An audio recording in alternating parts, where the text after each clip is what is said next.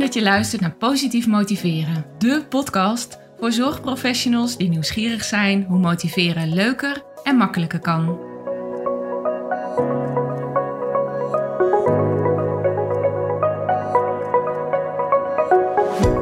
Mijn naam is Marielle Tromp en in deze podcast wil ik jou inspireren met verhalen, inzichten en tips die jij kunt gebruiken om meer resultaat, plezier en voldoening uit je werk te halen.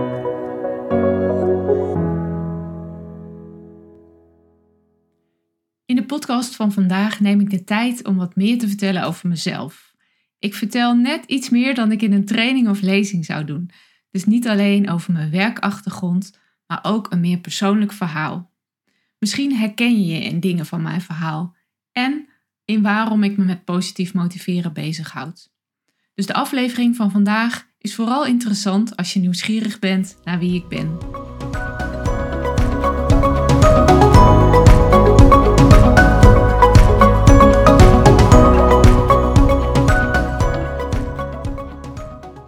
Vandaag neem ik de ruimte om wat meer over mezelf te vertellen.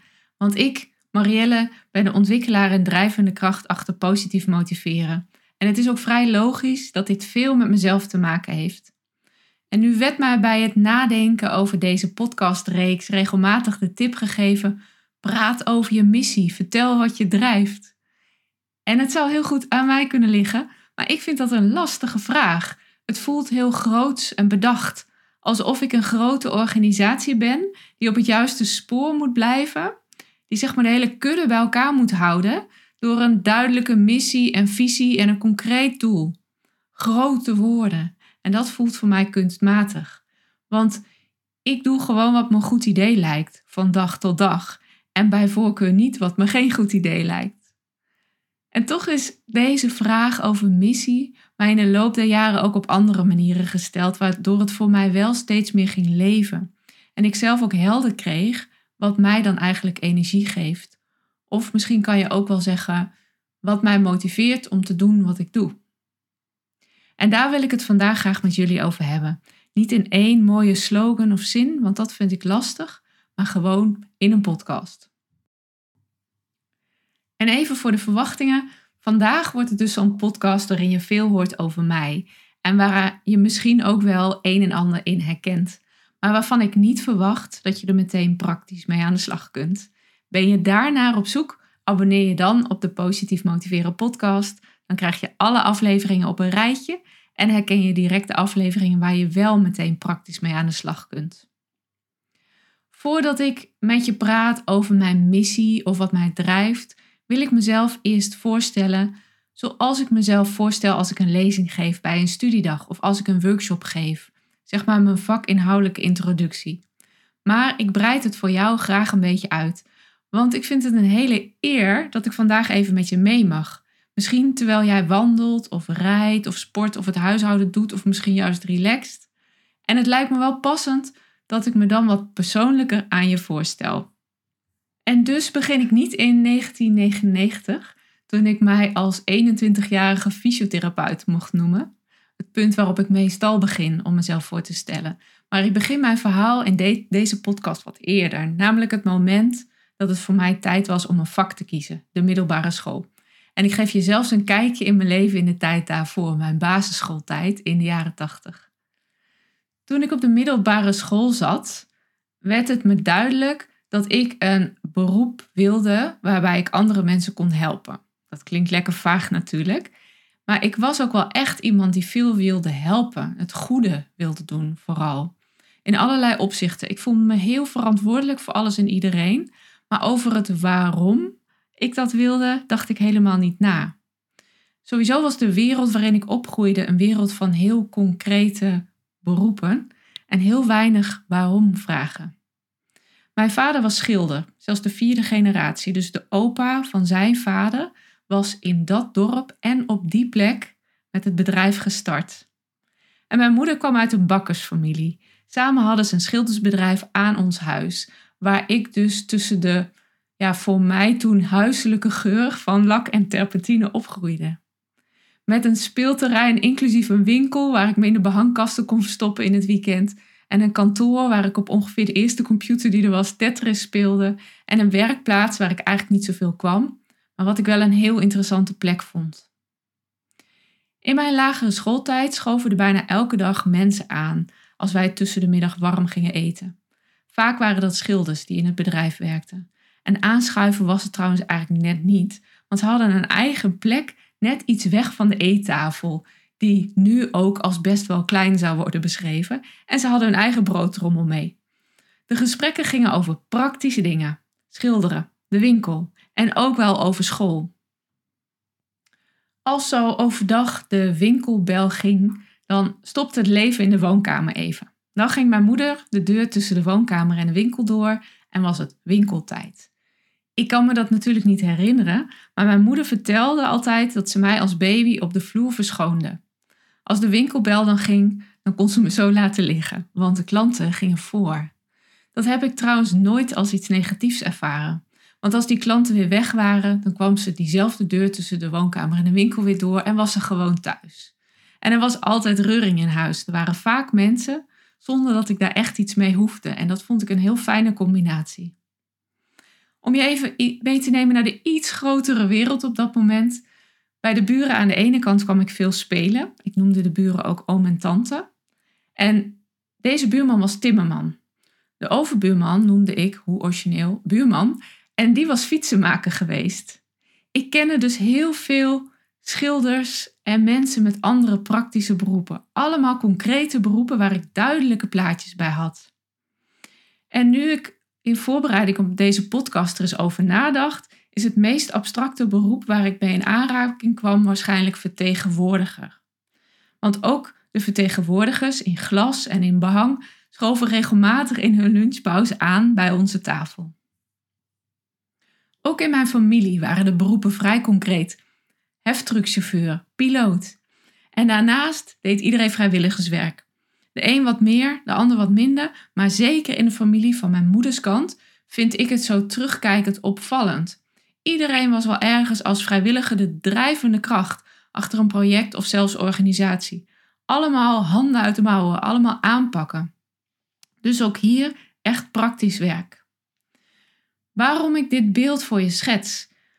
Toen het op de middelbare school tijd was om over mijn toekomst na te denken, was mijn blik nog niet zo breed. Ik was dan inmiddels wel naar een school gegaan buiten het dorp in een andere stad, maar mijn dagelijks leven was nog steeds in hetzelfde dorp.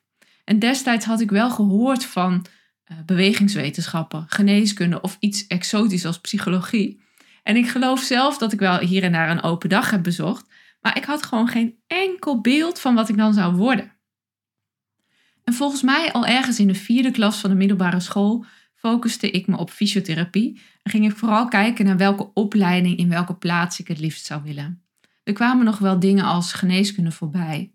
Maar aan de ene kant sprak me van fysiotherapie juist heel erg aan dat je mensen aan de buitenkant, dus zonder operaties en dergelijke, kon behandelen. En aan de andere kant kon ik me dus ook niets voorstellen bij zo'n lange opleiding als geneeskunde en wat je dan eigenlijk zou worden. Want ik kende ook maar één dokter, namelijk die van mezelf. Waarom ik het interessant vind om dat te vertellen, is omdat ik, als ik nu terugkijk, zie hoe de wereld waarin ik opgroeide, dus het gezin en de familie, het dorp, bepalend zijn geweest voor mijn keuzes. En ik doe dat zeker niet omdat ik spijt heb van die keuzes. Dat is niet zo. Maar ik vertel het wel omdat ik bij veel mensen in zowel training als coaching zie dat dit ook bij hen een rol heeft gespeeld. Bijvoorbeeld doordat de oude gedachten en overtuigingen nog steeds een rol spelen, hoewel niet altijd even zichtbaar. Bij mijzelf heeft bijvoorbeeld best een rol gespeeld dat hard werken voldoening oplevert. Als bijvoorbeeld schilder is het zo dat als je flink doorwerkt je eerder resultaat ziet. Maar in veel beroepen in de huidige tijd geldt dat helemaal niet meer. Voor dat van mij ook niet. Daar geldt soms juist dat even terugschakelen, even afstand nemen voor veel meer resultaten zal zorgen. Juist omdat die afstand zorgt voor een bredere, creatievere blik. En dat is soms best lastig. Als ik dit vertaal naar jou, misschien heeft jouw keuze voor de zorg of hulpverlening ook samengehangen met een bepaald beeld en ook een verwachting hoe je werk eruit zou moeten zien op dit moment. Of abstracter wat er van jou verwacht wordt in de wereld of hoe hard je misschien moet werken of hoe je hoort te werken. Daarmee sluit ik mijn jeugdverhaal even af en ga ik verder waar ik mijn verhaal meestal begin. Ik was 21 en fysiotherapeut. En al bij mijn stages had ik gemerkt dat een behandeling soms volgens het boekje ging en alle verwachte resultaten opleverde, maar best vaak ook niet. En soms kon ik er niet de vinger op leggen waarom. Maar ik zag ook wel soms wat er dan speelde, maar dan wist ik niet wat ik ermee moest. Dat was bijvoorbeeld zo als mensen niet thuis aan de slag gingen met hun oefeningen. Ik dacht dat het aan mij lag. En ik dacht dat ik het dan misschien niet goed deed. Ik vond het mijn taak en mijn verantwoordelijkheid dat mijn patiënten, op dat moment patiënten, beter werden of van hun klacht afkwamen. En ik was zo gewend om door een bril van behandeling, van kennis en van actie, actie, actie te denken, dat ik dan dacht dat ik misschien niet de juiste behandeling inzette, of niet het goede oefenschema, of dat ik niet hard genoeg werkte. Omdat ik dacht dat het beter kon, ging ik kort daarna alsnog bewegingswetenschappen studeren. En overigens weet ik nog steeds niet wat je daarmee wordt. Dat weet niemand. Dat is ondertussen wel een beetje de standaard grap die ik nog steeds maak na al die jaren. Maar goed, inhoudelijk leerde ik daar wel heel veel over gedrag. Omdat ik eerst de propeduise pedagogiek moest halen en dat vond ik geweldig. Toen ik daarna tussen de bewegingswetenschappen terecht kwam, was ik al iets meer gewend om vanuit gedrag te kijken. En toen ontdekte ik iets interessants. Namelijk dat de mensen die daar rondliepen bijna allemaal heel sportief waren. Het leek ze ook geen moeite te kosten om te gaan sporten. Ze praten er ook heel veel over, waren sportief gekleed. Sommigen waren heel gespierd. En ze zaten soms tijdens colleges hele broden te eten om dat allemaal te kunnen doen. En dan ik. Ik was helemaal niet zo'n sporter. Voor de gezelligheid ging ik af en toe sporten met een vriendin en we gingen dan bommen. Dat stond voor bewegen op muziek. En stel je een grote sportzaal voor met een enthousiast dansende instructeur in het midden. Zo een met nog vier, nog drie, nog twee, nog één. Dat soort enthousiasme. En dan tientallen of misschien wel honderd studenten daaromheen, allemaal fanatiek aan het meedoen. En dan ik. Ik stond ergens verdekt opgesteld achteraan, zodat ik zo gauw de buikspieroefeningen begonnen eens even flink kon smokkelen. Dus kortom, ik was niet zo'n sporter. Ik moest me echt bij elkaar pakken om te gaan sporten. En dat fascineerde me. Want waarom kost het mij zoveel moeite en die anderen zo weinig? En zeker aangezien we allemaal dezelfde kennis en dezelfde opleiding deden en hadden. Langzamerhand merkte ik ook bij bewegingswetenschappen dat ik anders koos dan sommige anderen binnen de studie. Ik vermeed alles wat met topsport te maken had en met meten. En mijn fascinatie lag veel meer op alles wat er in het hoofd gebeurde en dus minder in het lijf. Ik koos voor de specialisatie op gedragsverandering en bewegingsstimulering en het liefst ook in verbinding met andere werkvelden.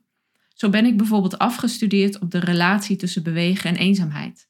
Dat was een thema wat eigenlijk niemand echt wilde, maar waar ik juist heel enthousiast over was, omdat het een beetje anders was. Lekker pionieren. Kortom, ik leerde bij bewegingswetenschappen dat er verschillende brillen zijn om naar een situatie te kijken. Het meest opvallend was dat ik bij fysiotherapie had geleerd om te kijken naar kennis en behandeling. Behandeling. Dus handelen, actie voor mij als therapeut. En dat ik bij bewegingswetenschappen bewust werd dat je ook vanuit gedrag kunt kijken. En dat het feit dat sommige van mijn destijds dan patiënten niet gingen oefenen, dat dat misschien minder te maken had met de inhoud van mijn advies en meer met de vormen van. Dat er eerst iets in hun hoofd moest gebeuren of in hun gevoel voordat ze echt in actie zouden komen. Nou ja, de rest is geschiedenis. Ik heb mijn, uh, tijdens mijn studie nog als fysiotherapeut gewerkt in het ziekenhuis, verschillende praktijken. Maar toen ik na mijn afstuderen als bewegingswetenschapper aan de slag kon, bij het Universitair Centrum waar ik stage had gelopen, heb ik dat aangegrepen. Want in die tijd kon ik als fysiotherapeut nog erg weinig met mijn focus op gedrag. En trouwens, ik herinner me ook nog een opvallend telefoongesprek met mijn moeder toen ik dat besloot. Mijn ouders zijn altijd heel enthousiast geweest en hebben leren en studeren altijd gestimuleerd. Dus ik wist en weet dat ze er helemaal achter stonden.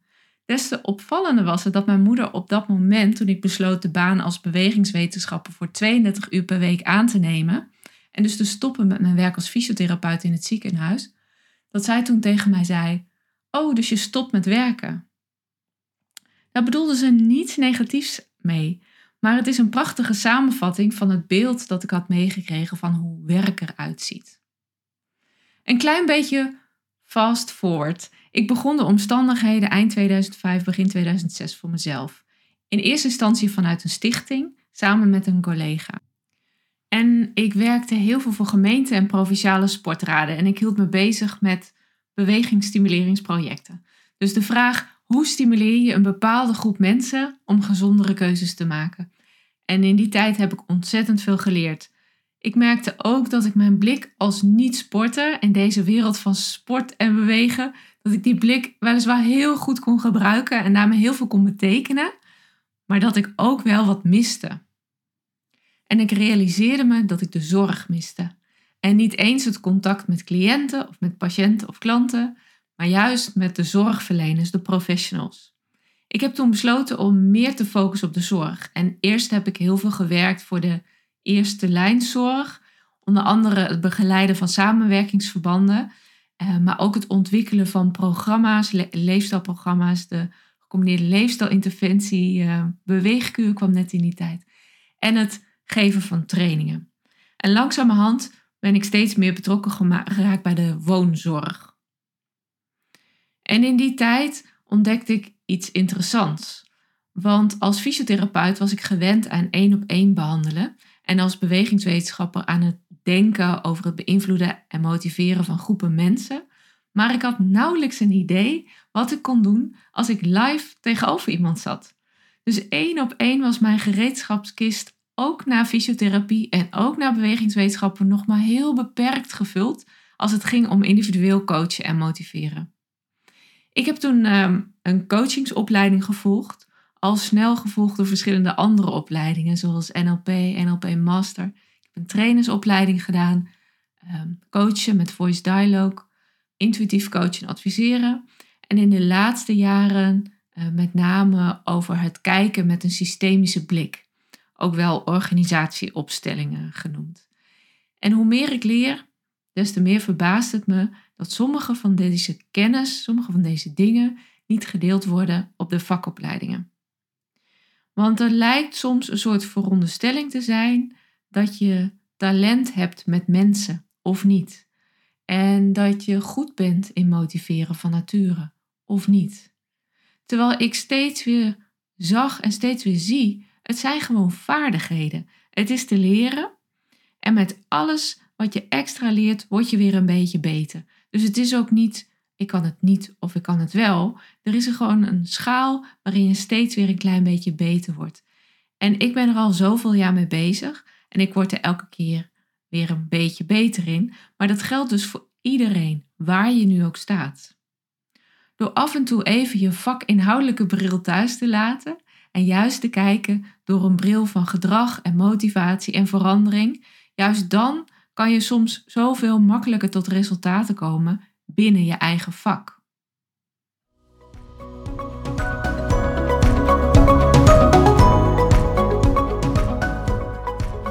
Waarom vertel je dat allemaal? Begon met missie en zo.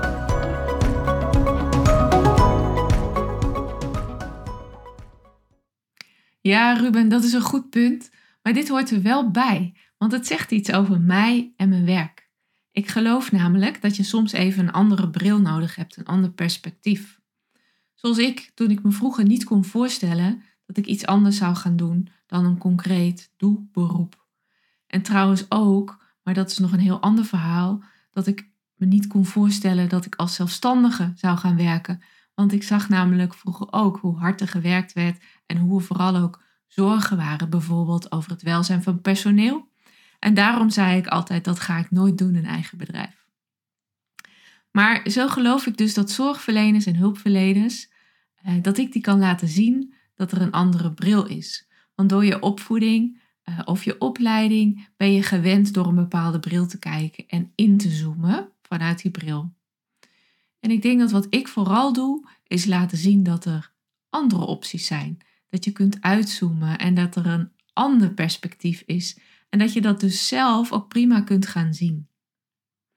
Als het om de zorg gaat, ik geloof dat het een enorm positief resultaat heeft als zorgprofessionals hun blik verbreden als het om motiveren gaat. Dus als ze iets meer leren over het motiveren van anderen. Of als ze tips toepassen over hoe je zelf gemotiveerd blijft of hoe je zelf meer voldoening ervaart. En ik zie steeds weer in de praktijk dat iets meer leren over motiveren al een ontzettend groot positief resultaat kan hebben. En waar ik echt heel blij van word, is als ik daarbij kan helpen. Soms door te helpen met nieuwe vaardigheden, maar ook vaak door gewoon een nieuw perspectief te laten zien of te laten ontdekken. En daarmee zie ik als eerste de lol en het werkplezier van de zorgprofessional vergroten. En dat heeft zoveel impact. Want het gaat niet alleen om deze ene zorgprofessional. Die steekt daar ook weer collega's mee aan. En niet te vergeten, een zorgprofessional die goed in haar vel zit, kan vervolgens ook zoveel meer betekenen voor cliënten. Wat mij dus uiteindelijk wel drijft, is van betekenis zijn. De wereld een beetje mooier maken. Positieve invloed uitoefenen. Daar hebben we ook dat woord positief weer. Maar dan op een manier die praktisch uitvoerbaar is. Die past bij mij en mijn waarden en mijn vaardigheden. En qua doelgroep is dat waarom ik zo graag werk met zorgverleners. Ik vind zorgverleners zo belangrijk. Ze vormen een schakel. En ze werken vaak echt vanuit een drive, een passie of misschien ook wel een missie. En als zij zien hoe het makkelijker kan, of als zij een nieuwe vaardigheid leren, en die vaardigheid is heel praktisch toepasbaar, dan gaan ze er ook direct mee aan de slag. En daar hebben andere mensen vervolgens weer baard bij. Dat vind ik mooi. Uit idealisme zou ik willen zeggen: ik wil het werk en het leven van zorgverleners verbeteren, positief beïnvloeden. Daar wil ik ze bij helpen en ik wil er alles aan doen. Maar mijn praktische kant ziet ook dat mijn invloed natuurlijk beperkt is. Ik ben geen politicus. Ik zit niet in een raad van bestuur. Ik ben niet verantwoordelijk voor salaris of voor werktijden. En dat wil ik ook allemaal niet. Maar ik kan wel heel veel betekenen, juist via de zorgprofessionals zelf. Door hen, door jou, te laten zien dat je met een andere blik of met een tool of met vaardigheden je werk zoveel effectiever, fijner of leuker kan maken. Dus je laten zien dat je invloed hebt op de beleving van je eigen werk en dat je aan de knoppen zit, dat jij regie hebt. Net zoals veel van jullie, zorgverleners en hulpverleners, dat op hun beurt trouwens weer bij cliënten doen. Een positieve bijdrage leveren met positief motiveren. Dat beperkt zich trouwens niet tot mijn werk. Ook in de rest van mijn leven ben ik heel bewust van de vraag: hoe kan ik hier met mijn eigen kleine inspanning maximaal bijdragen aan een positief resultaat? En daarbij ben ik gelukkig heel goed in het zien van processen. Dat klinkt wat abstract, maar ik zie het vaak letterlijk voor me, dat wat er nodig is. En daardoor weet ik regelmatig met een klein duwtje heel veel in beweging te krijgen. In mijn gezin, als ouder, als pleegouder, als vriendin, als vrijwilliger, als buur. Ik ben goed in dat eerste stukje. Als het even vastzit, kijken wat er nou aan de hand is en het weer op gang helpen, zodat het balletje weer gaat rollen. Ik zie mezelf daarbij wel als uh, wat ik een praktisch idealist noem. Met, uh, ik kijk steeds hoe ik met een minimale inspanning zo maximaal mogelijk kan bijdragen. En nog steeds vind ik dan missie dus een heel groot woord. Maar een paar maanden geleden zat ik in een Zoom-bijeenkomst met allemaal creatieve ondernemers. En daar werd de vraag gesteld: welke deuk wil jij in de wereld slaan?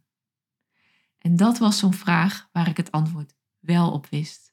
Want ik wil geen deuk in de wereld slaan. Ik wil de wereld een beetje uitdeuken, een beetje mooier maken en een beetje positiever maken. De hele wereld het liefst. Maar als het om mijn werk gaat, als eerste de wereld van de zorgprofessional.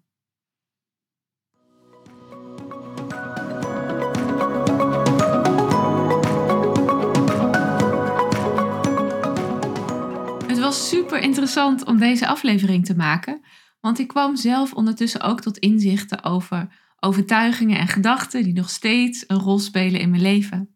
Die hebben trouwens niet allemaal deze podcast gehaald hoor. Maar bijzonder genoeg heb ik er dus zelf ook veel van geleerd. En ik hoop dat jij ondertussen ook na kon denken over jezelf en wat jou heeft bepaald. Of wat jou in je werk heeft gemaakt tot wie je nu bent. Tot slot nog even dit. Ik vind het bijzonder dat je luisterde en dat ik even met je mee mocht vandaag. Dank je wel.